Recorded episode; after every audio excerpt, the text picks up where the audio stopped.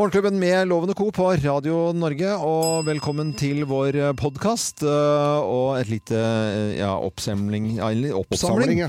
Eh, Samling i bånn av eh, de tingene vi har holdt på med denne uken her. Det har vært Mm. en fin uke, syns jeg. Jeg syns det. Vi har hatt det mye moro. Mye moro. Jeg husker nesten ikke hva vi har snakka om, men jeg tror vi har Nei, jeg gjør ikke det. Nei, Jeg husker jo ikke det når så fort sendinga er over. vi har fått en jukselapp her. Ja. Vi har blant annet uh, snakka om den å, Trevor. Anna Trevor, Ja, du, Ja, som var så ja. ensom og bodde aleine på en øy. Hvor, hvor ensom kan en fugl bli, tenker jeg? Nei, men det, Skikkelig. jeg tror de kan bli veldig ensomme. fordi at hvis det er sånne, disse kakaduene og sånt nå, som eh, hvis de mister eh, Hvis de er i tospann, da, Mm. så, så dauer den andre òg, tror jeg. Altså, nå bare finner jeg på litt, men, men, det, det er, de, ja, men de er veldig sånn så de, de er, Det er noen fugler som er veldig sånn par, da. Men du kunne ikke vi spurt eh, Petter Bøckmann om det? Og, Ja. og hvis man er fugl og helt alene, Ja. og har ingen, ja, men, Ja. og Ingen ingen, ja, men ingen med han eller hun kan kjenne seg igjen i, da. Ja. Hvor, hvor eh, skadelig er det for fuglen?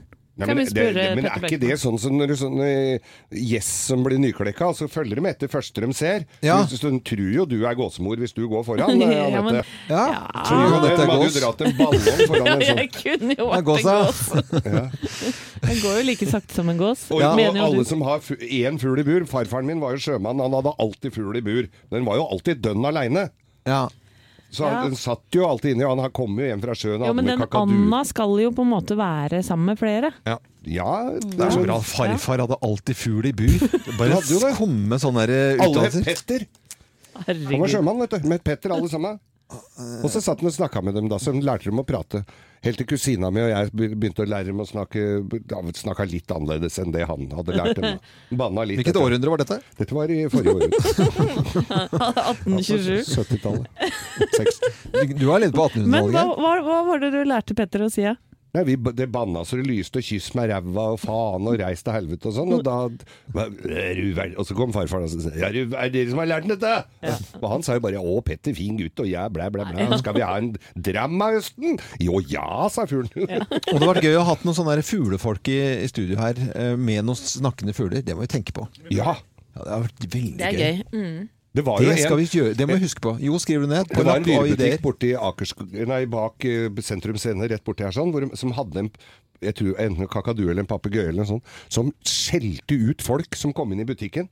Og Å, ja. trakasserte folk på det, som kom inn og ba dem pelle seg ut og reise til helvete. Mm. Alle som kom inn der. Pell deg til helvete! Pell deg ut! Gøy, stygge faen! Anyway. Ja, men Vi skal i hvert fall snakke om en, eh, en litt sånn trist død and da, i løpet av denne podkasten. Litt grovis og motorloven og ja, i det hele tatt eh, er det bare å høre på podkasten vår. Takk for Ja, at du gjør det? Noe for enhver smak, si. Ja, nei, nei det nå var du i forrige Det er ikke noe for enhver smak. Det er noe for morgenklubbsmaken. Ja, det er egentlig det. Ja.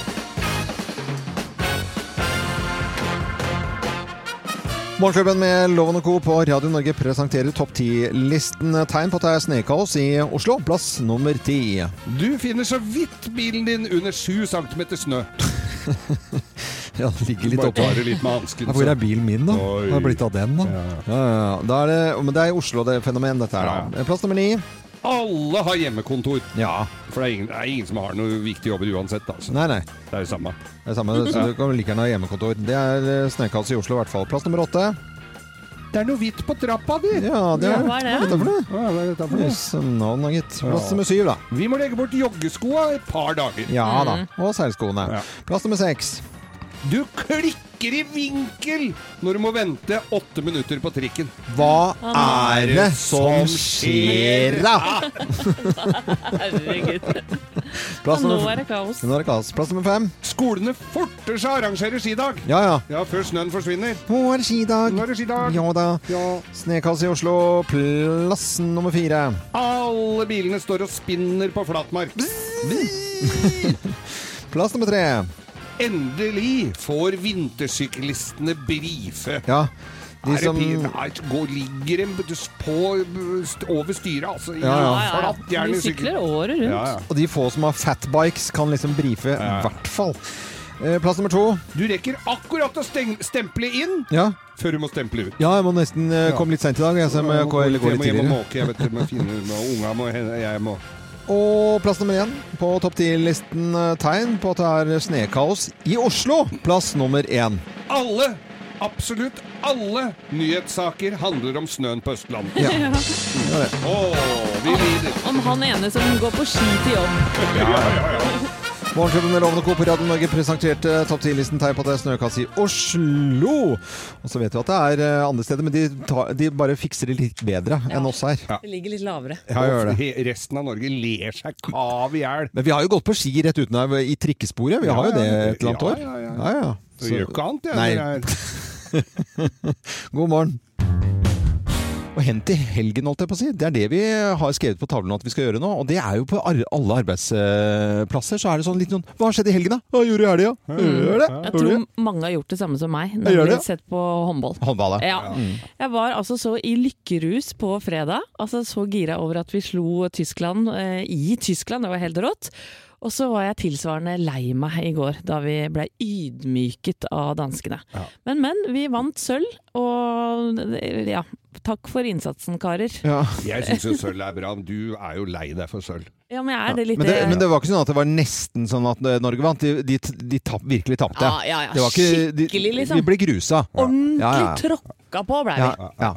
Så det var deprimerende. Geir, hva har du gjort, da? Du, jeg har uh, hatt en stille og rolig helg. Lørdag var det seminar i koret mitt. Altså, vi skal jo ha en stor konsert på lørdag. Det seminar, Ja, var det? ja? korseminar. Ja. Der har det jo pleid Det har jo pleid å være litt av hvert der. Ja. Men nå var det altså dønn seriøst. Ja. Veldig Gikk gjennom alt vi skal synge til helga, og pirka på noen gjesteartister som er hemmelige, som var innom og prøvespilte og ordna. Ja. Og så pleier jo Så ferdig ved firetida. Og da pleier jo gutta å gå ut og ta en vase, da. Ja, ja, selvfølgelig. Og altså en liten jegermeister, kanskje? Ikke sant? Ja. Det, med god samvittighet. ja. Eh, Det Er ikke det hele korkonseptet? Det er jo hele konseptet. Hvor er det blitt av alle gutta? Hvor var det det butta? Jeg ble stående da midt nede i scenen. Bare forsvant alle som dugg for solen! Nei! Jo! Altså dette her, til dere korguttene som Jeg er svært skuffet! Ja. Svært skuffet! Ja, jeg skjønner jo det, altså. Ja. Ja, jeg- Og du er Loven? Du, jeg var, var på jobb i, i, i Skien, og det, det, var, det var en veldig hyggelig jobb. Uh, for, I Grenland. I Grenland, vet du. Jo da. Jo da! Så jeg våkna opp eh, på et hotell her, og, og tidlig morgen Jeg er ikke så snakkesalig tidlig morgen. Jeg er veldig sosial. Jeg liker eh, smalltalk. Jeg er ganske grei God på på det. det. Ja, forholdsvis god på det. Ikke like god som Geir, men ganske god. Nei, ingen er like god som Geir. Ingen er like god som Geir. Men, men så, så sitter jeg i sånn, der, eh, sånn Chesterfield-stolen, og så sitter jeg med en kaffekopp, og så er det forholdsvis stort lokale, og så hører sånn over liksom, En sånn stemme som bryter utover hele Ja, litt av et ruskevær vi har fått ned!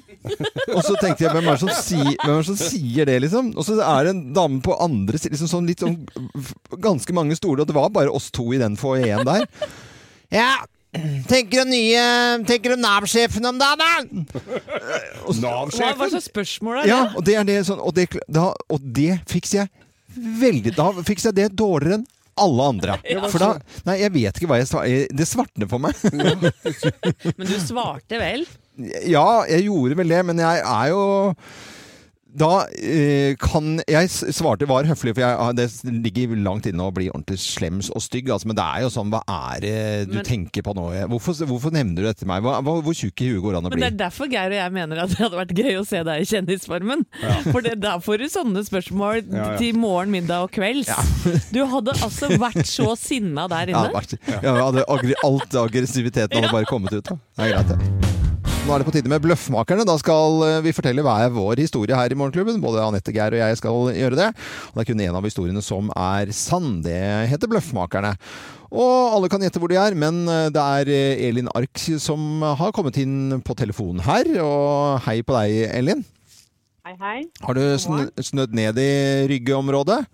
Ja, Det er ikke måte på hva som har kommet ned her. Jeg har nå prøvd å måke litt, og så har jeg heldigvis en samboer som har tatt det meste. Ja, ja, det er bra. Det er hyggelig å høre. Så da kommer folk seg både hit og dit i, dag.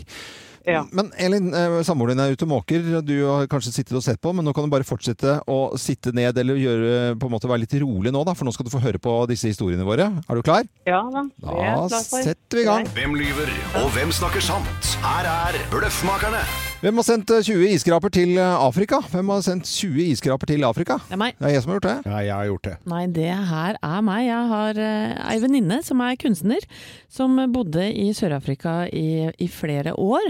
Og hun skulle da lage en kunstinstallasjon, og ville gjerne bruke litt sånn norske eh, effekter. Eh, og spurte meg da om jeg kunne bl.a. sende ned 20 isskraper, for dette skulle hun lime på eh, en eller annen sånn pappmasjé-greie. Ja. Så det er jeg som har eh, ja, jeg rett og Men det er slett så fint at ned de kan formidle kunsten på den jo, men det, ja, det var litt sånn norsk installasjon da, i Sør-Afrika, så det var jeg som hjalp venninna mi Setter jo med det. Norge på kartet, det må vi jo si. Ja, Mm. det må si. Absolutt. Jeg- sendte jo da 20 isskraper som eh, var, skulle brukes til noe helt annet i Sør-Afrika. Og jeg var jo der for 20 år siden, og da var jo de ekskludert fra omverdenen i mange år pga. handelsblokasje. i Det hele tatt, Så måtte de få liksom nye ting som folk altså, eh, ja, Er det noe de trenger, så er det det, tenkte du? Ja, tenkte jeg. Ja. Nei, men altså, Det er jo Sør-Afrika moderne land på mange måter. Og så ja, Isskraper alltid hjemme hos oss så har man iskraper til brødsmuler på brødfjælen. Oh, ja. Fjæl. Ja. Eh, og så skraper man av gårde. Det tenkte jeg. Unge gründer eh, skulle jeg være da. Tjene penger og liksom så et kjempemarked. Der er det ingen som har vært og hatt handel på mange år i Sør-Afrika. Kjøre på med brødskraper, som var da iskraper. Ja. Men eh, ble det en suksess? Nei. Nei, det gjorde jo ikke det, da. Nei. Men jeg sendte i hvert fall 20 iskraper til Ja, ja. Cape. Town. Du òg til Cape Town. Det var veldig Det var helt rart. utrolig. Ja. Nei da, det er nok ikke det. Jeg kjøpte opp, jeg kjøpte opp noen sånne Toyota varebiler, for det er jo sånn fin Det er sånne eksportvare til Afrika er jo b- sultefora på sånt også. Så de kommer jo da Sultefòra ja, til på, Det var litt rart Toyota å si. Ja, nei, men de kjøper opp det Ja, ja. gamle utrangerte varebil herfra, så fikser de dem opp der nede og bruker dem. Og så kjøpte jeg, så sendte jeg nedover, eller var en som kom og kjøpte av meg, som skulle ha det nedover, og så tenkte jeg at det, så lå det så mye isskraper i den bilen. Helt tilfeldig så tenkte jeg jeg fyller opp noen flere. Så jeg la 20 isskraper da inni setet i den bilen før den gikk nedover. Altså jeg veit jo ikke resultatet, men jeg syns jo det var morsomt. Det var jo på, på, de ante vel ikke hva det var til engang. Det skulle til Nigeria, har vel aldri snødd der. Nei, ah, Nei. kanskje ikke det, nei. Nei. Eh, Elin Ark fra Rygge, hvem tror du har sendt eh, 20 isskraper til Afrika, da? Det der hørtes helt vilt ut, men eh, jeg kan, jeg kan ikke se for meg deg, Loven, som med iskrape hjemme på brødfjøla. Det, så det der er sånn det, det Du er ute. Det er jeg ute, ja. er ute, ja. Ok. Og eh, Geir, ja, han kan jo finne på mye rart. Det har jeg jo hørt. Men eh, jeg tror jeg går for Anette. Du går for eh, Anette der, og, Kunst-Anette. og det er eh, ikke riktig. Men, men takk for at du trodde på meg. Ja, ja, men, men det var heller ikke meg, men det er Geir. Det var meg, Det var Geir, ja. Ja, ja, ja, det. Selvfølgelig godt for han som er så gæren, ikke Ja, sant? skjønner du, eller? Men, men du Elin, du vinner selvfølgelig Morgenklubbens eh, kaffekopp. Ja, ja, ja. Men Ja, det var hyggelig. vi adder på noe i dag, skjønner du. For du vinner i tillegg et eh, seks måneders abonnement på Postkodelotteriet.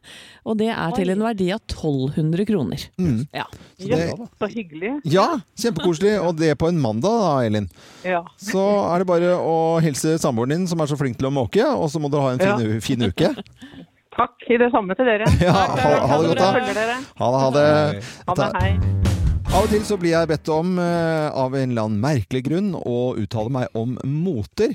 Og det er vel egentlig eh, Geir og Anette som har fått meg til å lage en egen kjenningsmelodi også. ja. Hva er inn? Hva er inn, Hva er ut? og hva er ut? Hva er hot? Hva er hot? Hva er not? Hva er not? Vi spør Ja, da må jeg uttale meg da om uh, ting som skjer i uh, moteverden. Uh, ja, hva er det jeg skal snakke om nå, da? Det er jo så deilig, Loven, for du har jo sterke meninger om mangt. Så også mote. Ja. Og nå har de vært og gått på catwalken i Paris, blant annet uh, noen damer som går med såkalte statement-kjoler. Og dette er da store tyllkjoler hvor det står forskjellige ja, budskap på, da. Carpe diem og love. Ja, nei, men det er Nei, det er litt mer sånn frekke ting, oh, ja. Geir. For det står f.eks.: Jeg er ikke sjenert, jeg bare liker deg ikke. Ja. Eller 'beklager at jeg er sen, jeg ville egentlig ikke komme'. Sånn står det liksom sånn skrevet over Mm. Ja. hele kjolen. Lange, svære kjoler med puffarmer. Ja. Hva tenker du om sånn statement-kjoler? Dette er bare usedvanlig stusslige mennesker som går med skrift for å bli sett. Hvis ikke kjolen er bra nok, og du må skrive noe på den for å bli eh, sett, da er det bare trist og noe som sårer deg. Si meg hva betyr adjø. Det er helt natta. Og, og vi har jo akkurat blitt kvitt pynteputer og det der dritet der med skrift og homo eller noe sånt noe. Og så skal folk begynne å gå det, er, altså det eneste som skal ha skrift på seg, det er folk som skal stille opp i idrettsarrangementer. Med Da reklame. det med reklame, ja, Geir. Og det er stygt nok i utgangspunktet. Ja. Ja, men en liten krokodille er greit. Ja og ja. Det må, kan ikke sammenlignes til eller, eller den franske hanen, den sportshanen. Ja, le coq sportif. Ja. Ja, men det er jo diskresjon og litt sånn, sånn type ting. Det blir noe helt, helt annet. Ok, ja. så statementkjole, nei. Nei. Ja. Så har vi batikkmønstre, som nå kommer tilbake igjen. Det- Ja. Batikk, ja. Ja. Dette er jo sånn såkalt hippiemønster, ikke sant? Ja. Som er veldig mange forskjellige typer farver. Ja. Akkurat som det eh, eksploderer, Mm. eh, Det kommer dette nå, liksom. mønstret. Ja. Det kommer nå både i pastell og sterke farger. Hva tenker du om dette Hva- hippie, denne hippietrenden? Nå er jeg spent. Loven? Nå er jeg spent. Nei, men altså, hvis du er en eh, vakker, eh, fin, eh, flott eh, brunette og er på Bali, og så, og så på en måte har du uh, fått opp den der Du har vært der så mange uker at du har fått sånn fin, fin farge på kroppen, og så på kveldstid ta på deg det for å på en måte Ja. Eh, være litt fri og frank, da, Ja, på en måte. da. ja, ja, Og Kanskje ikke noe under ja, ikke noe under. Da kan jo på en måte batikken eh, være litt artig innslag. Men vi må jo huske på det nå, at i januar er vi på det aller styggeste. Altså, vi er ingen måned i året hvor vi er styggere enn i januar. Nei. Vi er bleike, vi ser sjuke ut, vi har mangelsykdommer. Og da kan vi ikke begynne å blande inn blasse farger i sl slapt så har du, Er det noen som har sett batikk-ting med, eh, med, med med kant, kant på? Sånn brettekant, eller hva det heter, sånn strykekant? Nei, det Nei. kan det. ikke sant? det er sånn slappe klær. Det er slappfisk, og så Nei. Nei, så det er nei òg. Nei, nei, nei, Men nei, er det noen noe aldersgrense på batikk? Kan en dame som nærmer seg 50 f.eks. Gå, gå i det? Overhodet ikke. Nei, så det går ikke. Nei, ok.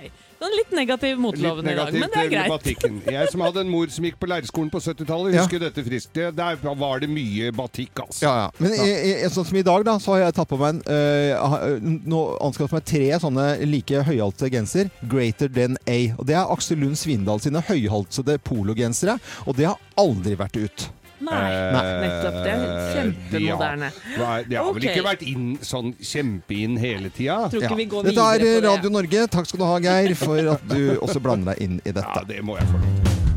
Allerede nå, selv om klokken da er bare noen uh, få minutter over syv, altså syv og et halvt minutter over syv, så er det noen som tenker å når jeg kommer hjem i dag, da skal jeg gjøre sånn, skal jeg spise det og det, og i det hele tatt. Og noen skal se på Farmen i kveld. Det er øh, sesongpremiere på Farmen Oh, kjendis. yes.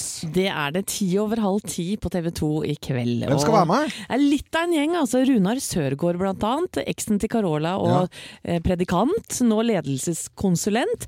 Svein Østvik, altså Charter-Svein. Ole Ja. Klemetsen. Christer Rødseth, han er kjøkkensjef og kaptein på kokkelandslaget. En som heter Ronald Pulk, han er eh, Ja, ja, journalist og programleder. Ja, ja. Så har du Trude Mostø, og så har du Erik Anders Sæter. Han er student og tidligere deltaker i Paradise Hotel. Og Katrine Sørland, modell. Mine Hajan, tidligere programleder. Tiril Sjåstad Christiansen. Tiril, ja. Hun er jeg Ja, på. kjekk jente, freestyle-utøver. Ja. Martine Lunde, blogger. Og Donna Jonna, som er da modellmamma. Ja, så det er ja. Litt av en gjeng. Litt av en gjeng, altså. Men jeg så et klipp her. De har jo barka sammen første episode.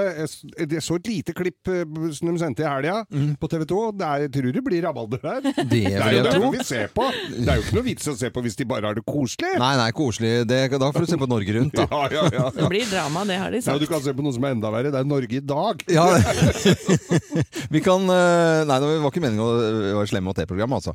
Men vi, vi har vært ute på gaten vi og stilt spørsmålet til folk, og hvilke kjendiser de vil ha med i øh, Kjendisfarmen. Du, da skulle jeg faktisk gjerne sett eh, Petter Stordalen. Carola. Hvorfor det? Nei, hun er fin jente. Olaug Bollestad, kanskje? jeg vet ikke hva han heter, men han Jamie i Outlander. Det, da hadde jeg fulgt med, med ja, uten tvil på sesongen.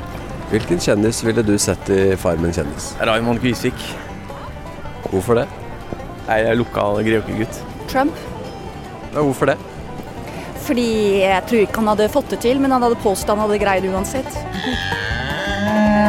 Jaha! Jeg tenker jo umiddelbart til Alex Rosén. Ja, da. Han uh, syns jeg hadde vært helt fantastisk å ha der. Han liker jeg veldig godt. Jeg tror Atle Antonsen hadde vært morsom å ha der òg. Ja, ja, ja. Men, men hva med deg, er loven? Hi, hva? Hva Du, med ja. deg? Helt Du pirkete snobb inni der. totalt Du, uaktuelt. du hadde fått komme deg så ned på Du jorda hadde altså fått vist dine aller dårligste sider der inne. Og du er Jeg gjør jo det hver dag, da. Og du er så breial og sier at 'dette klarer jeg også'. Da hadde, hadde, jeg- da hadde jeg benka meg ned med en stor påse med potetgull, det altså.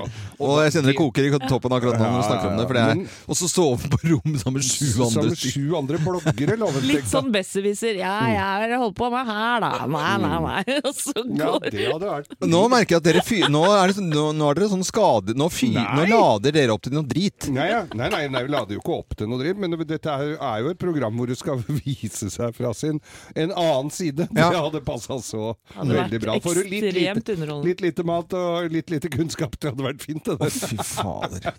Nei, det, det, det skjer ikke. Men uh, Geir Skau, du har jo vært med i det. Det er jo den her i Morgenklubben som har virkelig vært med på ting som har med reality å gjøre. Jeg runda brettet, skal ikke være med på mer. Skal ikke det, nei? Nei. Det hadde vært gøy, det. Geir Skau i Kjendisfarmen. Det Det, hadde vært ha- morsommere med deg. Mye, Takk, mye morsommere. det, det er jo Mye, mye, mye morsommere. Nå skal jeg sette på litt annen type musikk her i eh, Morgenklubben, og det er bare å synge med hvis dere kan den her, da. Ok, here we go.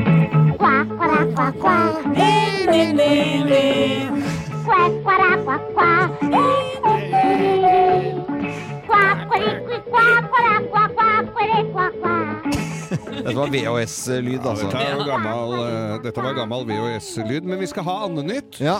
Eh, Vi skal langt av gårde. Vi skal til midt ute i Stillehavet, til en liten øy som heter Niu. Niu. Niu, aldri hørt det. Det Nei, ligger bortafor eh, Altså, det hører til New Zealand. Langt vekk. Der var det en and. Ja. Trevor, en Stokkan. Ja. Ikke noe bemerk bemerkelsesverdig i det, kanskje, men det fins egentlig ikke ender der. Det var bare den. Bare den? Ja, og det ble jo, altså den hadde antageligvis kommet dit pga. en, på grunn av en fryktelig storm, Mm. og levde et ganske ensomt liv som and. Det var Ja. jo ikke noe muligheter for å få seg et, en eh, kjæreste der. Ja. Ble hen, venner med en, en eh, høne, hane, pluss eh, en annen lokal fugl. Eh, men denne ensomme Anna ble jo et sånt symbol der borte da, og, og når det var tørke, så var da vannverket ute og lagde sånne dammer til den, og som skulle gjøres, så det ble koselig. Han Ja. dro rundt, og folk kjørte rundt med korn i bilen og leverte til Anna sånn. Ja. Nå er han dau. Nå. Nei. Uff. Tatt ei bikkje! Nei. På nye Niu? Ja, ni, det er landesorg. Uff a meg. Nio tusen røde Ni roser. Nå er han Da. dau. Det er en sak som har rørt veldig mange foreldrehjerter rundt omkring i Norge de siste dagene, inkludert meg.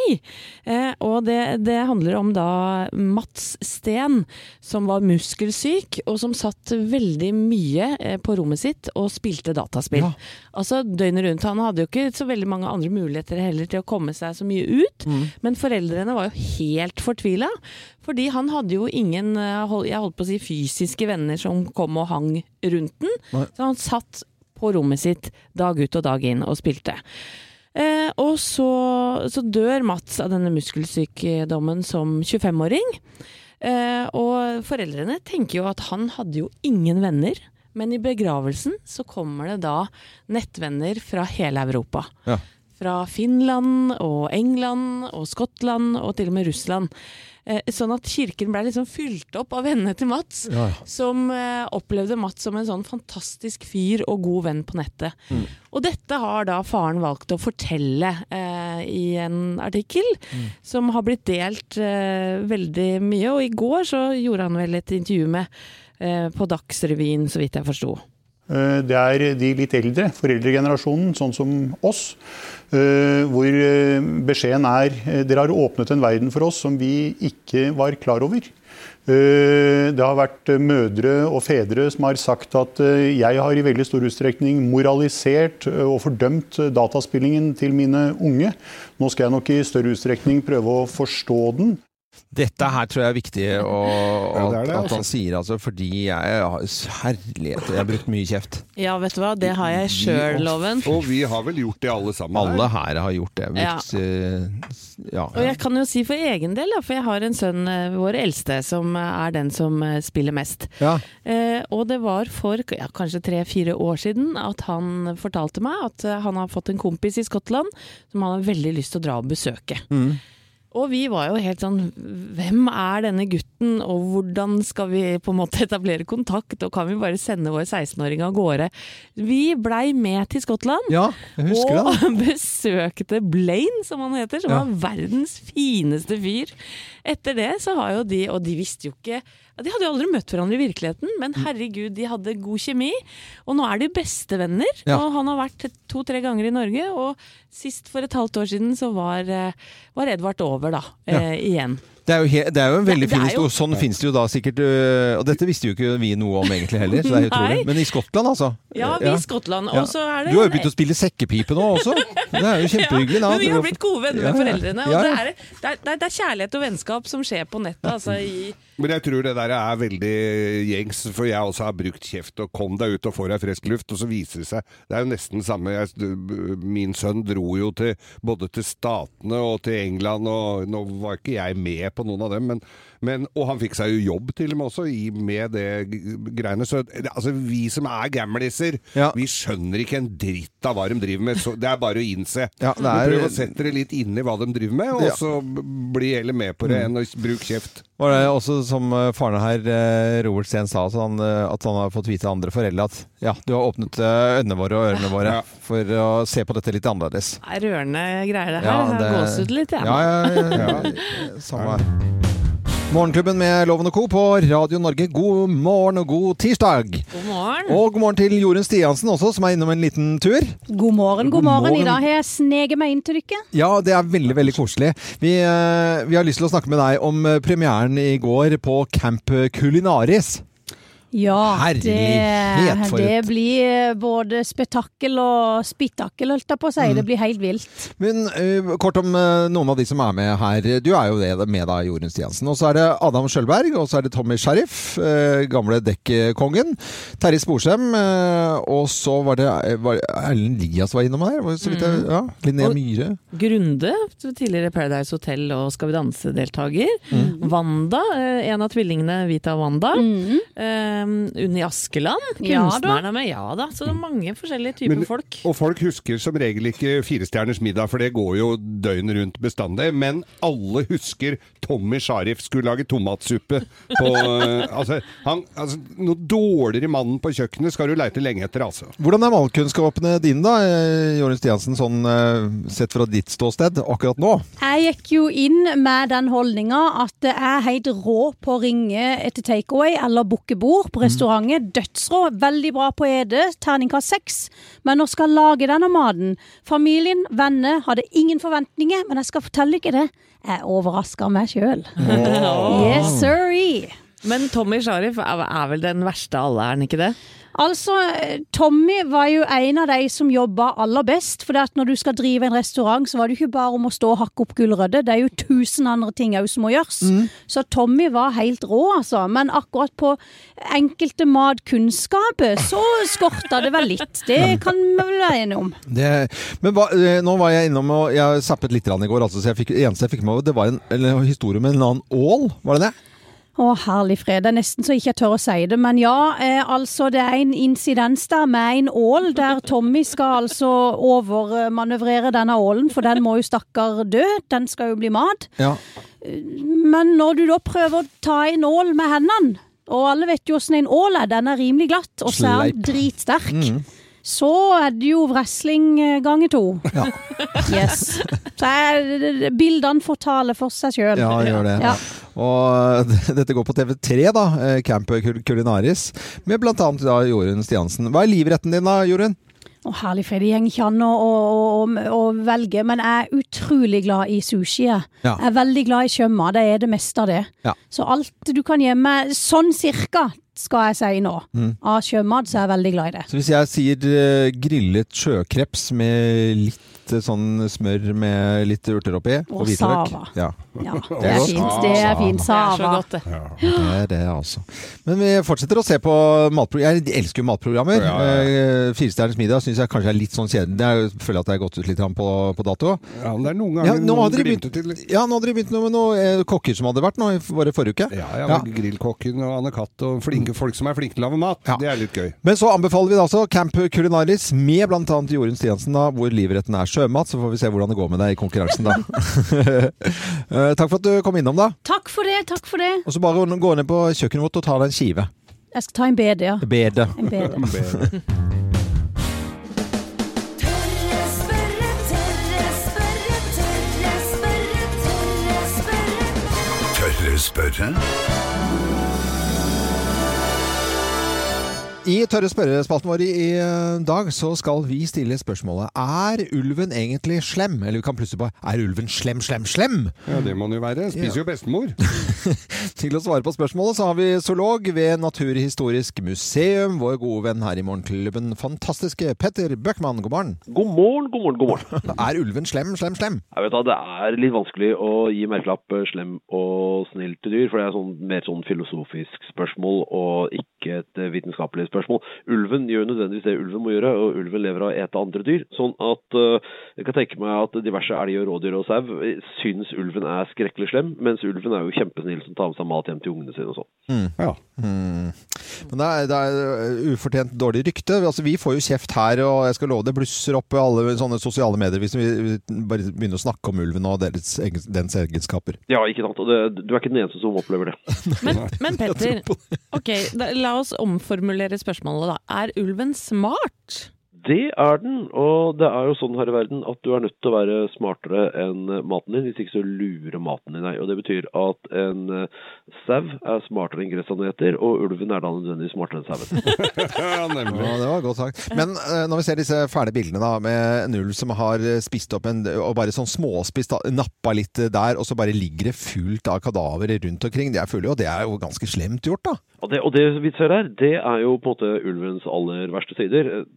Voksen ulv vil ha elg. De er sånn elgspisere. Men så er det ungulven da, som sliter litt. For, la oss si at den skal gå på å finne en, en elg å ta den. Så elgen er jo gresselig diger. Det er jo et svært dyr. Og det er ikke så lett for en ulv som veier la oss si en, en 40-50 kilo å få en sånn elg i bakken. Og vi fant jo eh, bare noen, eh, noen uker siden det ble funnet en dau ulv med en elgklauavtrykk i panna, så vi veit jo åssen dette kan gå. Ja, Sånn at uh, enslige ulver de er henvist til å ta ting som de faktisk klarer å få tak i, rådyr og sånn, og sau. Og så se da at du er på en måte en sånn ulv som har havna i remplingalderen. Du blitt hivet ut av mor og far fordi det begynner å lukte kviser og hormoner av deg. Og så er du lagt ut på vandring, og så kommer du over sau. Og så kommer du over et dyr som ikke løper fort, og som er lett å spise på. Og så er det sånn Jihi! Og så myrder den seg vei gjennom saueflokken. Og det er sånn, og det er typisk hannulvene som gjør dette her. Og det er litt sånn du ser liksom våre, våre egne unger på den alderen har en tendens til å liksom stå litt på hjørnet og sparke syke søppelkasser og knuse ruter og røyke og gjøre sånne ting. Og det er, det er litt den samme greia vi ser.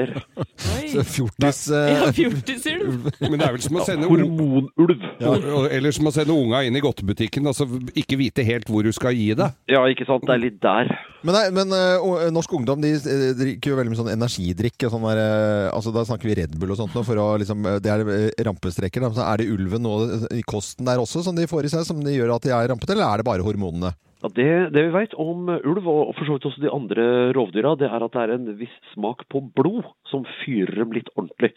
Og det er den, kan jeg tenke deg den litt sånn metalliske bismaken av blod. Hvis du eter en blodig biff, så er det sånn Den akkurat den smaken er det er et eget molekyl som gir den smaken.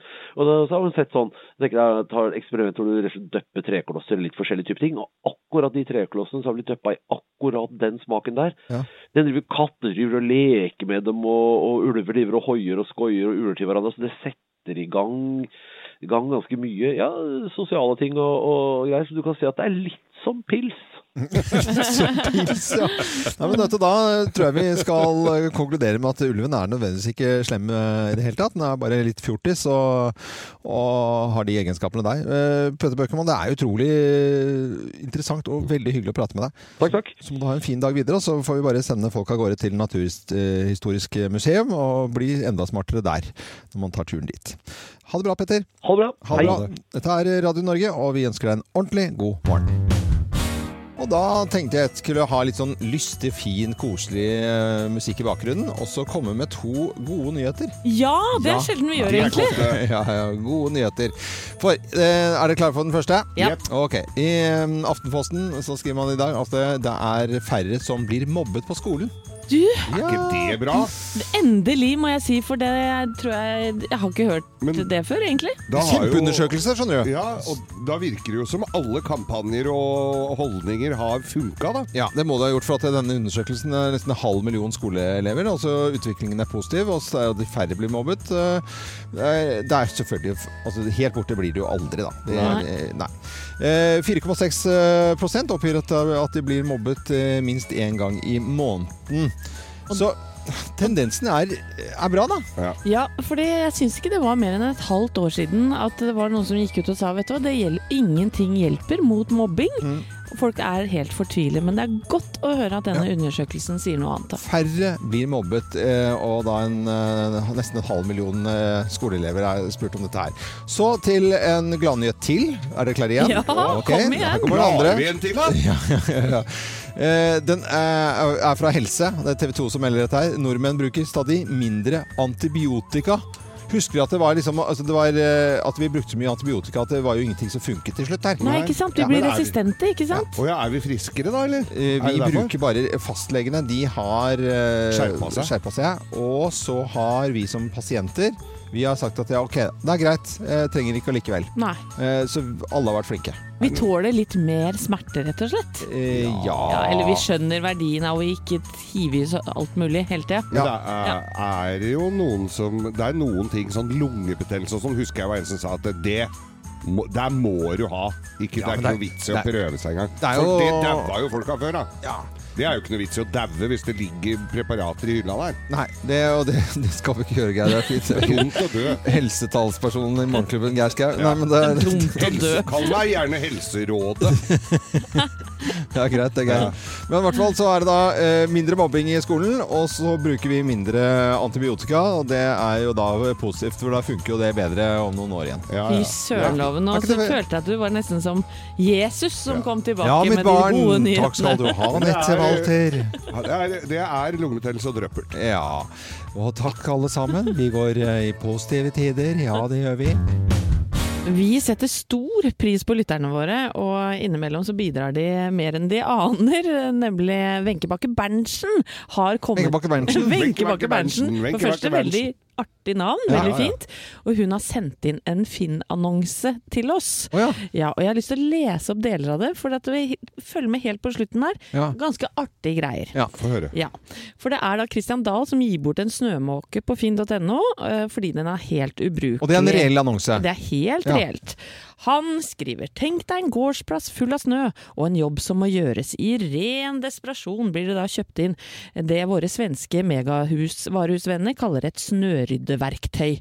For å si det enkelt, det er ikke et verktøy, og iallfall ikke brukende til å rydde snø med. Denne udugelige kreasjonen tar ikke med seg noe snø, den legger den bare under seg. Og da må du måke to ganger. Denne saken fra Sverige er like nyttig til snørydding som den søte rosa strandspaden til din datter. Og så kommer det! Denne snørydderen jeg har nevnt nå, er en større vits enn hva Geir gir oss hver fredag på Radio Norge. Nei, du Ja. verden! Det står i Finn-annonsen. Det til. Christian Dahl skriver det! Det betyr vel at Christian Dahl er ganske glad i deg, Geir? Oi, han, Men, men dette er altså en fyr som har lagt ut en annonse på Finn for å gi bort en snøskuffe som ikke funker. Ja. Som er en vits, og så er det eh, på en En måte større vits. Ja. Nei, det, det, Ja, det er godt bra. fortalt. ja, dette var veldig Jeg blir glad, jeg. At jeg Og så er vi glad i Wenche Bakke Berntsen, som eh, sendte det inn til oss. Ja, Wenche Bakke Berntsen. Eh, Bakke Enda bedre med han som har lagt ut den annonsen, da. Men Ja. det var ikke Wenche Bakke Berntsen. Nei, det var Christian Dahl. Det var Christian Dahl, altså. Det er vel ikke han som er helten her også, da, vil jeg si. Vi skal snakke om helsen til Anette. Hun har jo mm, tidligere, her for deg som kanskje ikke har fått med deg det, så har Anette da i januar, eh, og før det altså bestemt seg for å få et litt sunnere og bedre liv. Gikk eh, ganske hardt ut med en beinhard skanning, eh, kroppsskanning med innveiing og eh, analyse i det hele tatt. Og så fant du jo ut da, Anette, til vår store quiz og forskrekkelse her, hvor gammel du egentlig var, altså biologisk alderen din. Ja. Og de, fortell selv hva, den kom opp i. Jeg er 62, og mannen min er 63. Ja. Så vi har åpenbart levd det helt parallelt, for han er jo ett år eldre enn meg i virkeligheten nå. Ja. Så vi har gjort Det var litt rart at Sånn er dere synkrone. Ja, dere er helt Det synkrone på det. det er altså. det er. Dere er eh, noen og 60 begge to. Ja. Og så har du da valgt å, å legge om litt rann, eh, spisingen, Ja. eller? Og litt uh, Ja. Vi, vi har fått en flink, kjempeflink dame, for det, dette klarer vi ikke på egen hånd. Vi Nei, er altfor udisiplinerte til det. Ja. Så vi har en dame som heter Monica Øyen, som hjelper oss litt med både trening, altså sånn plan på det, Mm. og kosthold. Okay. Og har kommet med noen råd, kostholdsråd for å øke forbrenningen. Ja. Ja. Uh, for det første, i altså forrige uke, drita flink, trente tre ganger. Ja. Ja, gikk inn i helgen med armene eller? over hodet. Nei, Nei, tre. Tre harde økter. Holdt på å kaste opp etterpå. Oi, oi, oi. Ja, ja, ja. Og spist veldig fint før vi gikk inn i helgen. Da tok det jo eh, Spiste veldig grovt, eller? Eller fint? Grovt og fint. Ja. Eh, denne uka her har jeg vært bitte lite grann dårligere. Ja, på fortell, eh, hva- Nei, altså i går hadde jeg litt for vondt i hodet, for eksempel, til å gå og Ja. trene. Så Ja. da blei det ikke noe trent. Skulle jeg si Hei, Monica, jeg skulle egentlig ha egentrening. Det ble ikke noe av. Det ble ikke noe nei. Det ble en Nei. episode med mm, True Detective på sofaen isteden. Greia, greia når du holder på med det der greiene der, og du har holdt på én uke, og så avtaler du egentrening etter ei uke, Ja. det kan jeg si går ofte til helvete. Men jeg har plotta inn tre ganger, men jeg vet det bare forgreiner seg inn i helga, så det er dumt av meg. Ja. Men et kostholdsråd som jeg har fått, det er å, å drikke fiber hver eneste morgen. Ja. For, for vet du hva som skjer da? Nei. Nei, da Ja. blir tarmen din tømt. Ja, har du noen gang opplevd å være på do, og du gjør eh, bomli-bom, Ja, og så er det det alltid opplevd. noe igjen på papiret? Er ikke det irriterende?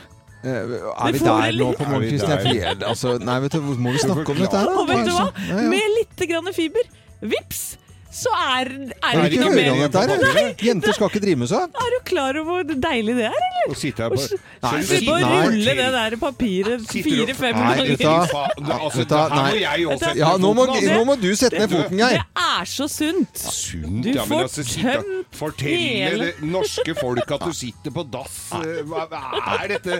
Det er mitt kostholdsråd til folk. Mener det? Spise mindre og bæsje mer? Er det det du sier? Det er, men var du ute nå det, på, i forrige uke, da? Torsdag, fredag, lørdag? Hvordan gikk det med deg? Torsdag, fredag, lørdag søndag. Torsdag, fredag, lørdag, søndag? Ja. Men, men Ikke bare ute, men hjemme òg, da. ja, Ja, ute hjemme. Men foretok deg de samme manøvrene hjemme Ja som du gjorde ute? Jeg skal ta en prat med Monica i dag. jeg. Jeg tror det. Jeg tror Monica er veldig hypp på en prat Du med har deg. jo også. ryggrad som en bløt banan, men den er det jo heldigvis fiber i, da. ja, det er akkurat det. Eh, bare noen sekunder til eh, klokken slår eh, kvart på syv. Du hører på Radio Norge og tenkte jeg skulle ta førstesiden eh, av VG i dag. Skandaletinget står det der med store bokstaver, og så er det bilde av Stortinget, da. Fem eh, mistet alle verv på ett år, står det der. Og herlighet, vi kan gå gjennom, at opp, VG oppsummerer i dag altså året på, på Stortinget. Det er mye Men vi har jo snakka om det tidligere her, at det har jo bare vært saker per pers. Det har jo ikke vært noe, kom, noe, noe ordentlig politikk. Nei, altså det, det, Det har bare vært personalpolitikk. Det, det er jo personalpolitikken vi har fått høre om veldig veldig, veldig mye. Trond Giske husker vi, ikke sant? På ett år, da. ikke sant? Ja. Det er ikke noe tvil om hva han øh, hadde holdt på med sånn sett, da. Men ni kvinner som sendte, ut, eh, eller sendte inn varsler om metoo-oppførsel. Ja, Og så er det Christian Tonning Riise fra Høyre. Det var også metoo. Mm. Der var det også litt rann. Ja, det var ti varsler, varsler, og han trakk seg da som unge Høyre-leder. Ja, det var ti varsler der òg. Mm. Uh, og så hadde vi da Ulf Leirstein fra Frp. Ja, han sendte porno da til unge FPU-medlemmer, og trakk seg som eh, parlamentarisk nestleder da i Frp, som du Ja. Og så hadde vi Keshvari, da. Ja, han fabrikkerte reiseregninger for ja, kjempestore beløp. Mm. Og han er nå sikta for grovt bedrageri, så det er vel han som Men er den eneste han- som er sikta for noe, da. Ja, men det, er- Ja, jeg, ok. jeg, ja, jeg mener at han, det, han må forsvares litt. Rann, Altså. Han er jo den eneste som er miljøvennlig her. Altså, han skrev- Miljøvennlig? Han skrev reiseregninger, men droppa å reise. Han tok en for laget, fløy ikke, dro ikke noe sted. Uh, så han uh, Men skulle jo selvfølgelig ha Bra, betalt. Geir! Ja, det syns jeg. Helge André Njåstad fra Frp delte sensitive metoo-opplysninger eh, med partikollega. Det er jo ja, fem men ba stykker. for bare altså. to uker siden så drev han og tukla med reiseregninger, eller i hvert fall ble skyldt for det, da. Det er Så hva er det som skjer? Ja, hva er det som skjer? Og noen skriver også i dag hva er det som skjer med Frp, da. Ja, det er flere, Men det det er mye flere- Frp-er her, Ja. men det, er jo, det, det ser jo ut som det er ganske Så grei fordeling, ja. Det er grei fordeling. Ja, og- Eh, men eh, Siv Jensen har jo litt av pushet. Tenk deg, hun kommer på, inn på kontoret sitt, Mm. sikkert mye ute og reise, så kommer så ligger det en sånn stopper. Å Ja. nei, ikke én til ikke, Nei, ja. Og så må jeg ha, ta de der Hva er det du har drevet med her? Åh, mange sånn tett a tett eh, smalltalk på kammerset, altså. Fy søren, ære være deg, Siv Jensen. Men vet du hva, jeg lurer på, er det fordi eh, både journalister og andre er flinkere til å granske politikerne nå? Jeg vil jo tro Jeg tror ikke vi får med oss noen ting. Jeg tror dette er bare sånn toppen av isfjellet av Ja, men- driten. Men tenk på hva de holdt på med i før i tida. Ja. Da var det jo ingen styring og ingen som brydde seg om hva folk dreiv på med. Og ikke noe innsyn, altså overhodet. Altså, for nå hello! Ja, ja. Metoo, de lå med hverandre rundt med de små sekretærene rundt omkring Overalt. på kontorer over Ja, landet. du vassa i donger. Du tenker på skjørtejegeren Einar Gerhardsen som Nei, men du, seriøst? Ja, ja, ja. Ja, jeg mener det, Da ja, var, altså. jo- da var det jo bare to partier òg, så da var det, i- de var jo ikke så spennende. da Og så begynne å sitte og se hvem som hadde Ja. flest der, for der tror jeg de var like gode. altså. Og reiseregninger den gangen hadde du ikke altså, nei, men det, Jeg tror det var ganske spesielt, Jeg tror det altså. var rock'n'roll, Mm. altså. Men det vi fikk vi jo aldri vite. Eh, og Nei, det, Internett har ødelagt mye for uh, juks. For for den gode For handelen. den gode handelen. Men det gjør jo ikke disse på en måte, hva skal jeg si, eh, politikerne noe bedre, de som blir tatt for eh, snusk i dag. Men eh, herre min hatt som de holdt på før i tida. Ja, greia er jo at Vi husker jo ikke én politisk sak siste, siste året. Vi husker jo bare Ja. de som har driti seg ut og juksa med penger og Ja. tafsa på damene. Så politikerforakt, det kan du nesten uh, takke seg selv for. Ja. Eh, det er vel egentlig det de kan. Dette er Radio Norge og VG. altså Jeg oppsummerer i dag eh, siste året med fem fremtredende politikere som alle mister verv eh, på Stortinget. Dette er Radio Norge. Nå skal vi fra Chicago til Frankrike. Tu m'as promis. Vous écoutez Radio Martin, du personne du travail de, de, de, Ça c'est vrai, Loven. Tullefransk kalles det. Jeg skal til Frankrike. Vi skal til Bucustor. Ja, Det det var skal vi. finale i går. Ja, det var skandinavisk storeslem Mm. i Bocuse d'Or, som er en kokkekonkurranse på høyt nivå. Eh, Norge kom på tredjeplass, Sverige på andreplass og Danmark på førsteplass. Ja. i Frankrike. Og jeg så en reportasje om disse norske gutta. Da. De er tre på et lag, og Christian André Pettersen han var ganske skuffa, for de pleier å komme enda høyere opp. De har Ja. tatt både sølv og gull før. Men mammaen Mammaen. til Christian André Pettersen, hun var ikke skuffa. I'm so happy the Scandinavia won! Men se på Skandinavia som ett! Det er Ja, ja. nydelig, Det er, det er ve veldig vakkert. Og også tenk deg, liksom, uh, hvis vi ser dette litt i perspektiv også, hvis Geir har gjort et eller annet på TV, kanskje vært med et nytt reality-program, og så er det fru Skau, da. I'm so happy the Won! Yes. Det hadde vært veldig fint, altså. Ja, ja, ja, hun hadde sikkert jubla over det. Ja, det tror jeg Men absolutt. hvor er de franske kokkene? Det er jo de som skal vinne dette her. Ja, eh, Norge ligger bare med samlede seire. Eh, bare én seier over Frankrike. Så jeg tror det er noe sånn at Norge har elleve eller noe sånt nå, og Frankrike har ti. Mm. Så franske kokker er fremdeles i siget. Ja, Ja, vi er grisegode, vi òg. Ja, men å bli skuffa for en tredjeplass der i pinseettermiddag, det syns jeg er eh, det, det er ikke noe vits i, altså. Gratulerer i hvert fall da til Christian André Pettersen med en finfin eh, bronsemedalje. Medalje. Ja.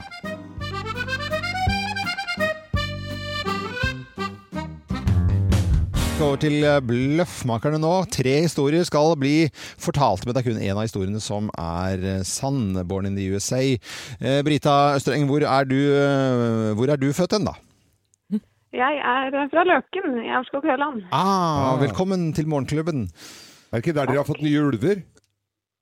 Ja da, det er en del ulver der. Oi, oi, oi.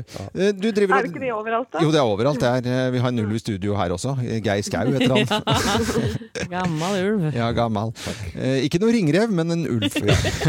Går etter lammekjøtt. Eh, ja. Nei, nei, Nei, altså, men altså nå går vi videre. Nå går vi videre. Du, du designer tenner, eh, Brita. Ja, stemmer. Har du fine tenner? Ja. Ja. Jeg føler i hvert fall det sjøl. Ja, det er veldig bra, det. Hjemmelaga. Jeg lager, lager smil hver dag. Du verden, så eh, interessant jobb. Altså lage Ja, tenner. Designer altså. tenner. Ja. Viktig jobb. Nå skal du få lov til å lukke igjen munnen din, eh, og så skal du høre på oss, eh, Brita, her, for nå skal vi fortelle noen historier. Hvem lyver, og hvem snakker sant? Her er Bløffmakerne. Hvem av oss har varmet opp Jo Nesbø? Det er Hvem har varmet opp Jo Nesbø? Det er jeg som har gjort det. Nei, det er jeg som har gjort. Og det høres kanskje litt rart ut Ja, at jeg har varma du har gjort det, ja. ja. det- men de gjør jo det, egentlig. Men uh, i sin tid så hadde jeg to gutter som spilte fotball. Det gjør de dessverre ikke lenger, bank i bordet. Men uh, de var aktive en periode, og da er det noe som heter Norway Cup. Ja, ja. Det har vel Alle de fleste. det. Ja, svære greier på Ekebergsletta. Og så er det da en av kampene, da, da er det kjendiser som skal spille mot hverandre til et veldedig forhold, for, formål. Og da, eh, Jo Nesbø, han er jo en grei kar, han meldte seg på, han. Var god i fotball òg, vet du. Eh, Dritgod! Herregud, Ja, ja. han var vel på Molde ja. ja, A-lag i sin tid. Men da var det mødrene til smågutta da, som skulle få ansvaret for å varme opp disse kjendisene. Og det er noe av det kleineste Mm. Ja, det tror jeg har vært med på. Ja, nei, herregud, med sånne gamle turnbevegelser Ja, ja, ja. og 'ja, kom igjen da, Jo'. Altså Jo blant annet var der, da. Han, han syntes nok det var litt flaut. Det er jeg som har varmet opp Jo Nesbø, og det, er, det var uh, altfor intimt. eh, Og eh, nærmere i noe intimgrense kommer du egentlig ikke. Og dette er eh, Oi, sann. 1992, ja. Dette var på Mont Blanc, fjellet, 4800 meter. Det er et ganske krevende fjell. Det er jo, altså det høyeste er jo på eh, 88 altså Ja, ja, 8800 meter. Eh, Men, eh, men det er et krevende fjell. Det er grisekaldt der. Og da har du påstå at det er det mest krevende fjellet du har vært på? Ja, det, det er faktisk det. 1992. Det er, det er ikke Er det fordi fyllepennen din er derfra? Mont Blanc? Eh, det kan være det også. Men, men eh, sånn som i Kilimanjaro, der har du jo sånn natursti opp, og så du kan kjøre traktor opp. og Så det, er ikke noe, det er jo Ja, bare men en du har sånn ikke vært der. Jo! Jeg har jo På det. Kilimanjaro? Ja, det har jeg fortalt tusen ganger. Oh, ja. Men så eh, var, er det Tusen ganger var jo litt mye. Ja, ikke over eh, og, så eh, måtte, er det så kaldt, og da må man varme seg sånn som eh, eskimoene gjør, på hverandre. Ja. Jeg hadde en tyin, eh, Ayunglak tyin, og så har du da omvendt glidelås. Alle som eh, kjenner de gamle Ayunglak-posene vet at de hadde sånn omvendt glidelås, og da kan man varme seg på hverandre. Så jeg har varmet opp Jo Nesbø. Nei, det, Jo, jeg lå i spun, spuna med Jon Espe. jeg har jo en Jo, sånn sovepose. Jeg har aldri opplevd det der. eh, Tvinn het det, du vet hva det er? Ja, men eh, nei da, dette stemmer ikke i det hele tatt. Dette var hjemme, dette hjemme hos meg sjøl. Og jeg hadde vaska treningstøyet mitt, skulle eh, trene igjen dagen etter, så det måtte tørkes fort. Og da la jeg det på en sånn kamin som jeg har i sånn eh, parafinkamin jeg har i stua. Ja. For at dette skulle Men dette er jo syntetisk, og den overflaten på den eh, kaminen er jo så glatt, så jeg måtte ha noe til å holde den fast med. Da la jeg Jo Nesbø-boka Nesbø mi, for den er Hvilken ganske tung. Hvilken bok Jeg var det? husker ikke, jeg tror det var Frelseren. Det var nok, jeg tror det var Frelseren, for i og med at jeg, den skulle frelse treningstøyet mitt. Så la jeg den oppå, og så eh, skulle, ja, så var treningstøyet tørt, og så tok jeg vekk blodet. Au, au, au, au! Så var jo boka så varm! Ja. Så jeg hadde varma opp Herregud. Ja, Herregud, så dølt. vaska tightsen, liksom. ja tightsen, ja. Tightsen Ja, eh, Brita Østreng fra Løken, eh, tanndesigneren vår. Hva tenker du om dette? Hvem har varmet opp Jo Nesbø, tror du, da? Jeg syns det hørtes spennende ut eh, med deg, Loven, men jeg tror jeg går for Anette.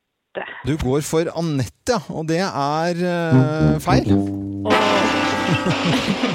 Det var søtt og hyggelig av deg, Brita, men det var Geir sin dølle historie. Ja. Så satt i Du dag. tenker hvor jævla varm den boka ble, altså. Ja, veldig varm. Altså. Jeg har ikke vært eh, på det fjellet der, altså. Men takk for at du gjetta på meg, og du skal få eh, selvfølgelig en kaffekopp uh, som premie. Og så får du også et seksmåneders abonnement på postkodeli- på Postkodelotteriet mm. til en verdi av 1200 kroner, så det er ikke gærent det, Brita. Nei, kjempebra.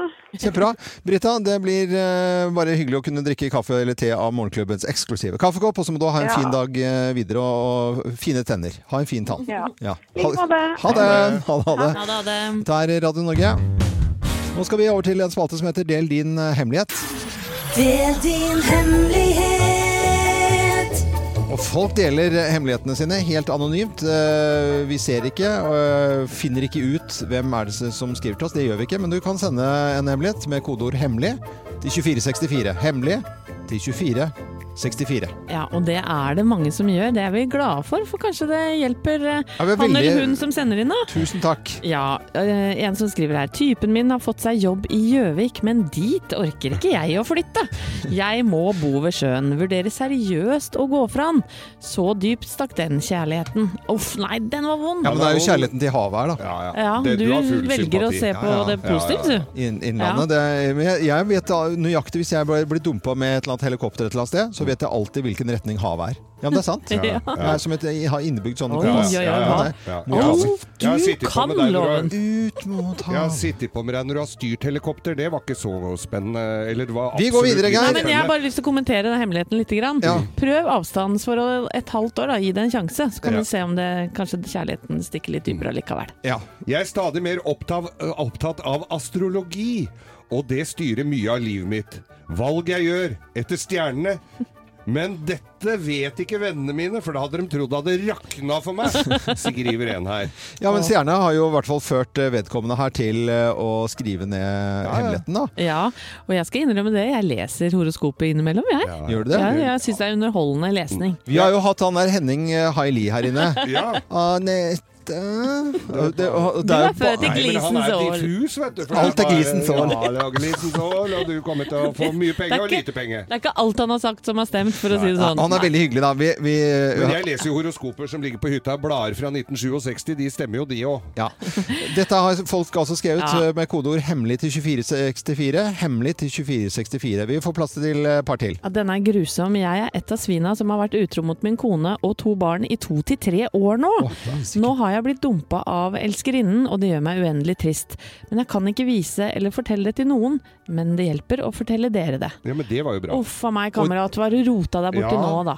Det er medaljens bakside når du har elskerinne du blir dumpa, altså. Da blir du sittende dønn aleine. Men nå håper jeg du kommer over det, og så får du ta tak i kona di igjen og få det bra med henne. Og drite i sånt tøys som det der. Ja, Jeg var en av to stykker som samla eplekart i nabolaget. Vi spiste dem ikke, hvis det er det du skulle tro. Vi kasta det på alt fra biler til alt som passerte på E6-en fra skauen, eller fra eh, bruer over veien. Politiet kom og, etter, og vi var øh, ferdige, heldigvis. Eller de kom etter at vi var ferdige. Pluss innlegg i avisa!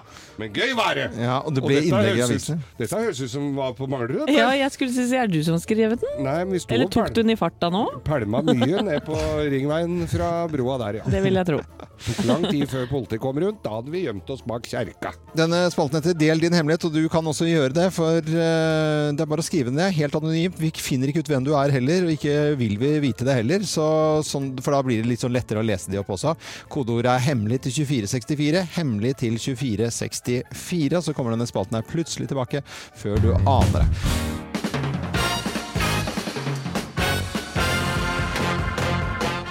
Ja, for at eh, Morgenklubben med Loven og Co. presenterer da topp 10-listen. Ja. Tegn på at du, stresser, stre- at du holder på å stre- stresse for mye. Stresse for mye. Plass nummer ti. Plass nummer ti. Du får raseriutbrudd av lyskryss! Ja, fytti rakkeren. Altså, det er aldri grønt her, da! Er ikke du lag- Skal du vente helt til stolpen er grønn, eller? Hva er det? Nei, nå må du rase videre, ellers så rekker vi det ikke. Nei, men vi kunne snakke, vi må huske den filmen, da. Nei. 'Falling Down'. Michael Douglas og videre, Robert gå videre, gå eh, videre, gå Duval, da, som han klikka i trafikken. Han, han klikka i trafikken, han. gå videre. Ja, plass nummer ni, da. Du spiser frokosten i heisen! Ja, fy fader. Ja, enn det, da. Tenk på at du stresser for mye. Plass nummer åtte. Du tror internettet går fortere hvis du slår i tastaturet. Ja, må slå litt, da. Sånn, ja. Se her, virker med en gang. Herlighet. Funker. Plass med sju. Du kommer inn i et rom, men du husker aldri hvorfor. Nei, hvorfor jeg er her? Hva er, dette for noe? Hva er det jeg skulle her igjen? Ah, Plass med seks. Du leiter febrilsk etter mobilen mens du snakker i den. Hæ? Ja. Hvor er mobilen, da? Ja, ja. Ja, lol. Plass nummer fem. Du lar våte klær tørke på kroppen. Ja. Sikt på. Mm, ja da. Plass nummer fire. Du slapper av på hytta med to tonn med møtereferater. Ja, jeg greier å lese litt fortere, her, for jeg har litt dårlig tid her. Ja, ja, ja, Plass nummer tre. Du har psoriasis. Du har seriøse planer om å slå i hjel printeren! Du har Psoriasisplaner var jo seriøse planer. Plass nummer to. Du prøver å åpne bildøra med husnøklene! Ja. Ikke sant! Eh, Og plass nummer én på topp 10-listen. Tegn på at du stresser for mye. Plass nummer én. Du, slapp, du, du, glemmer, unge- du glemmer ungene hjemme og leverer bikkja i barnehagen!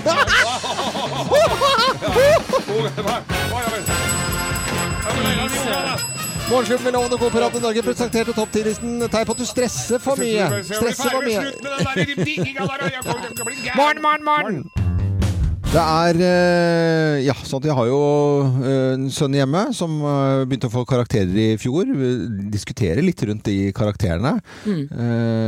Og det er jo et eller annet med den derre karakterpresset innimellom som vi kjenner på når vi begynner å få det i skolen. Ja, man føler seg målt av karakterene sine. Ja, og ja, man gjør det. Ja, Men et brev til åttende klasse på Gran ungdomsskole som har versert på Facebook den siste tiden, sier noe litt annet. For disse lærerne fant ut at eh, ja, for at ikke elevene skulle bli lei seg da, når de kanskje ikke fikk så høye karakterer som de trodde, Ja. så ble det da laget et brev til, som de skulle lese først. Og nå skal jeg lese det for dere. Det. Og dette er brevet i sin helhet da fra Gran kommune til eh, elevene. Ja, dette er lærerne på åttende trinn som skriver. Nå har du fått ditt første karakterkort på Gran ungdomsskole. Før du ser på karakterene dine er det noe viktig du må være klar over. Disse karakterene viser ikke hvor utmerket og unik du er. Disse karakterene viser ikke at du er en god venn, eller at du er flink til å passe dine søsken. De viser ikke at du danser med de kuleste bevegelsene, eller at du sprer glede til dine omgivelser med ditt nydelige smil. Karakterene viser ikke at du er omsorgsfull eller omtenksom, eller at du hver dag gjør ditt aller beste. Disse egenskapene blir du aldri testet i på en prøve. Disse karakterene viser bare hvordan du har gjort det i de ulike fagene, men de forteller ikke alt. De sier ingenting om at du kanskje har utvikla deg eller forbedra deg på et område du kanskje syntes var vanskelig tidligere. De kan ikke fortelle at du lyser opp dagen for læreren din. De kan heller ikke fortelle hvor fantastisk spesiell du er. Se på karakterene og les tilbakemeldingene som finnes på Sokrates, men husk, det er ingen prøver eller tentamener som kan vise alle de fine egenskapene du har, som gjør deg til akkurat den personen du er. Hilsen lærerne på åttende trinn. Helt fantastisk. Å, det var fint. Ja, det er nydelig. Eh, Samtidig skal vi også fortelle, når disse fine ordene her er eh, skrevet og lest opp, da, så er det noen som selvfølgelig lar seg irritere over dette. Ja. Og det er, det er sånn fantastisk. Jeg visste ikke om det, for at den, dette har gått over, eh, over nettet, da. Men det er jo noen som sier ja, men det er jo Ja, men folk må jo få skikkelig karakter og lære seg det, og janteloven og hei. Og det skri- blir skrevet, da. Og det er litt fascinerende. At disse fine ordene skal rakkes ned på. Ja, det er helt enig. Dette var en veldig god idé, Ja. lærere på åttende eh, trinn. Hurra for dere på Gran der. U2 i Morgenklubben med Loven og Co. på Radio Norge. God fredag! God fredag! Det er så koselig! Ja, det er så koselig. Det, Det er superhyggelig. hyggelig. Med Grovis-tid, Geir. Det er eh, fin samlingsstund, og folk gjør jo det rundt omkring. Koser seg rundt omkring. I hele verden, faktisk. I hele verden, Ja, ja. Guggen og Anne Grete sitter et eller annet sted i Syden i 27 grader. Jeg veit ikke helt hvor de er. De er på sånn bryllupsjubileumsferie. Vært gift i 140 år. Mm, det er mye. Og, ja, bare, men det, de skriver bare hvor billig champagne det er. De står ikke hvor de er. Men det er palmer der, da. Palmer nedafor er ja, de, da. nedafor. Ja, dette her må vi snakke litt om. For vi, og dere ute som sitter og hører på her. Må ikke nøle med å sende godbiter inn til oss, altså. Nei. For det, for derfor, og det, I dag så går våre tanker til Sørlandschips. Vi har fått Sørlandschips inn her før. Nå er det Sørlandschips, men nå er det altså sjokolade med Sørlandschips-biter i. Ja. Veldig god. Jeg syns den var god, jeg. Ja, jeg var veldig skeptisk. Ja. Eh, Hva syns du? Nei, Jeg syns den var bedre enn forventet. Forventet. Ja, det var Ja. det. Så det, så det var hilsen der. Og så ser jeg også da Skal vi se, nå er det bedre lyd. Så, så ser jeg også da at Monica Løvstad, hvis dere ser alle sammen i studio her også, ser bildet, se på alle vaflene hun steker nå på en fredag. Det er Wow, må dere si. Se på alle vaflene hun wow, steker på en fredag. Wow. Og det er eh, fredagsvafler til fredagsgrovisen, Geir. Ja, Trenger de så mye vafler? Det er, den varer jo litt lenge, men ikke så lenge at hun får i seg en hel reol med vafler. Da. Og så en hilsen til alle båtfolket som er båtmesse i eh, Bergen denne helgen. Det Ja, må vi gjøre. det må vi gjøre. Og da tror jeg vi setter i gang Ja, dagens det, altså. Grovis. Slutt å grine. Let's make fredagen grov again. Her er Geirs Grovis. Ja, Mr. Grovis. Det er Det er bare å kline til, Geir. Det er ikke noe å vente på dette her. Til. Ja. Dette her var på en bar. På en bar, ja. ja. Ja, ute på en bar. Bar, hva heter den baren? Den het eh, Sjøgenes mat og vinhus. Sjøgenes mat og vinhus. Jepp. Hvor lå den? Hvor ligger- hmm? Hvor ligger den? Det ligger i Sjøgstadveien. Sjøgstadområdet? Sjøgstad- Sjøgstadmarka. Ja. Sjøgstad. Men der, der var det der, Så var det var en kar eh, som satt der, da. Ja. Eh, og var ja, han var jo hypp på en, på en dame. Det var jo pr primært derfor han hadde gått ut, da, for å skaffe seg et uh, kvinnemenneske å dele natten med. Ut på bar. Ut på bar. Sjøgenes mat og vinhus. Yep. Og, og sitter der og skåler og drikker med en ganske snasen her som satt på andre sida av bardisken. Blunker, får øyekontakt, får etter hvert også uh, mer kontakt. Og, og de sitter og skåler og drikker og, og blir da Kommer da og, og såpass overens at de skal hjem til henne. Oi, så hyggelig, da. De gikk fort i svingene, holdt jeg på å Nei da, de gjorde ikke det. Jeg bare Nei. korter ned litt her nå. Vi kan ikke sitte i to-tre timer og, og Det er første gang du korter ned Nei, men vi- vi- Hvis du skal holde på så lenge, Loven, om hva de snakka om altså Ja. De begynte jo liksom Jaså, du er ute, og det, vi kan, Ja, det er ikke noe vits i det. Ja, ute vi går litt rett i pur. Det var puling det skulle ja, ja, ja, ja. Og, og så sier hun at Så sier, så sier hun det at Men eh, jo, vi kan dra hjem til meg, men du må bare være innforstått med at jeg er eh, Jeg liker det litt røft, sier hun. Jeg er litt, litt eh, Det er mange vi kanskje kaller det litt pervers, men, ja. men litt, litt, eh, litt røft eh, liker jeg det. Ja. ja, men fader, jeg, sier han, jeg er litt av en, eh, litt av en gris sjøl, jeg. Tåler en runde, ja. Så sa han, Ja. eh, det, det bør du ikke tenke på. De drar hjem til henne, og så sier hun dere bare gå inn på på soverommet og legge deg der, og så skal jeg bare ordne litt. Så hun går inn på badet, da. Ja. Og det varer ikke, vet du. Kommer jo ikke tilbake. Og så omsider så kommer jeg, da, med sånne høye lakkstøvler og høye hæler og sånn pisk og greier. Det er så vulgært og- Smokk, smokk, smokk. Ja. Sånn pisk. Smukk. Hvordan var den lyden igjen? Smukk, smukk, smukk, sier de sånn pisk. Ja, ja. Så da eh, så, så, altså, ligger han bare og røyker på senga, vet du. Med, med den slappe rullen. Ja. Og så, og så sier hun så, så ser, ser han opp da på henne når han kommer ut i alt dette her utstyret. Og så sier hun Men var det ikke du som likte det litt sånn eh, røft og rått og sånn? da?» Mm. Jo, jeg gleder meg til det, sånn. Jeg varma opp litt her nå. Nå har jeg akkurat pult katta di og driti i håndveska di, så nå gleder jeg meg til litt ordentlig griseri. Var det, var det vitsen? Ja. Merker du eh, Ja, du får jo sånn spredt eh, Skal du ha en til? Nei, vi skal ikke det. Det er nesten det samme Eh, apparat med hund. da hadde- ja, ja. God helg, alle sammen. Jo, vær så God god. helg. God helg ja. Ja, det var uh, blanda reaksjoner her i studio, Ja. Jeg tror folk jubler, jubler jeg, på arbeidsplasser rundt omkring i landet. Jeg tror det, altså. Radio Norge-musikken fortsetter. Uh, der Cochran kommer her. Ja, ja. Cochran. Cochran. Cochran. I, eh, I går så var vi ute med en koselig middag med, med jobben. Eh, er jo veldig, vi er jo som en uh, liten familie å, regne. Mm. Så hadde vi en koselig middag, og så gikk folk eh, hvert i sitt. på en måte. Vi skulle jo opp av morgensending, tross alt, da. eh, da dere. Ja. Og så uh, ble det såpass sent for Anette at hun måtte bestille Tom Arne uh, taxi. Ja. Eh, Sjåføren vår, eh, som heter Tom Arne, han hadde lagt fram en Coca-Cola-brusvæskedrikk til deg. Er det det hyggeligste i verden, Ja. eller? Han veit at jeg er litt fyllesyk, og så kommer jeg og setter meg inn, så står det en iskald Mm. Cola Zero der. Klasse. Er Jeg elsker Tom Arne. Hei Det på var deg. eh, også en litt spesiell klasse over eh, mannen eh, drosjesjåfør som ikke var Tom Arne, som kjørte meg hjem i går. Han, eh, uten å spørre, for jeg blir dritforbanna hvis drosjesjåfører sitter og prater i telefon Ja. eller spiller musikk du ikke vil eh, Men han spilte musikk som jeg ikke klagde på. Mm. Og på, han spilte jæskla høyt og hadde et ganske bra anlegg. Kjørte en Mercedes med Det var ikke noen sånn dritbil, det var en ordentlig bil. Og dette spilte han på full guffe. Hør nå. Baby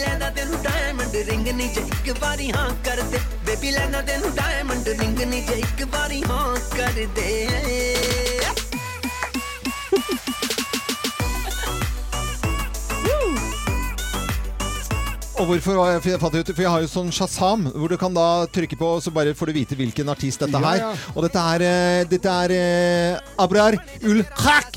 Og, eh, eh, Abrar er ul Khak. Og han har altså to og en halv Hva fant du ut? Jo, to og en halv million på Facebook. Kjempepopulær i Pakistan, og i- Wow. sikkert i India også. Men det er eh, den låten heter Diamond Ring, og den kan ligge på YouTube eller hva det måtte være. Ja. Det er skikkelig bra, og den, når du blir veldig glad i sånn musikk når du smiler veldig godt. Sånn, Morgenklubben med Loven og Co. Morgenklubben med Loven og Co. Morgenklubben med, med, med Loven og Co. Morgenklubben med Loven og Co. Det er så fint. Det var en fantastisk taxitur. Tusen takk til drosjesjåføren som kjørte meg hjem i går. i hvert fall. Dette er Radio Norge. Nå fortsetter vi Radio Norge-musikken.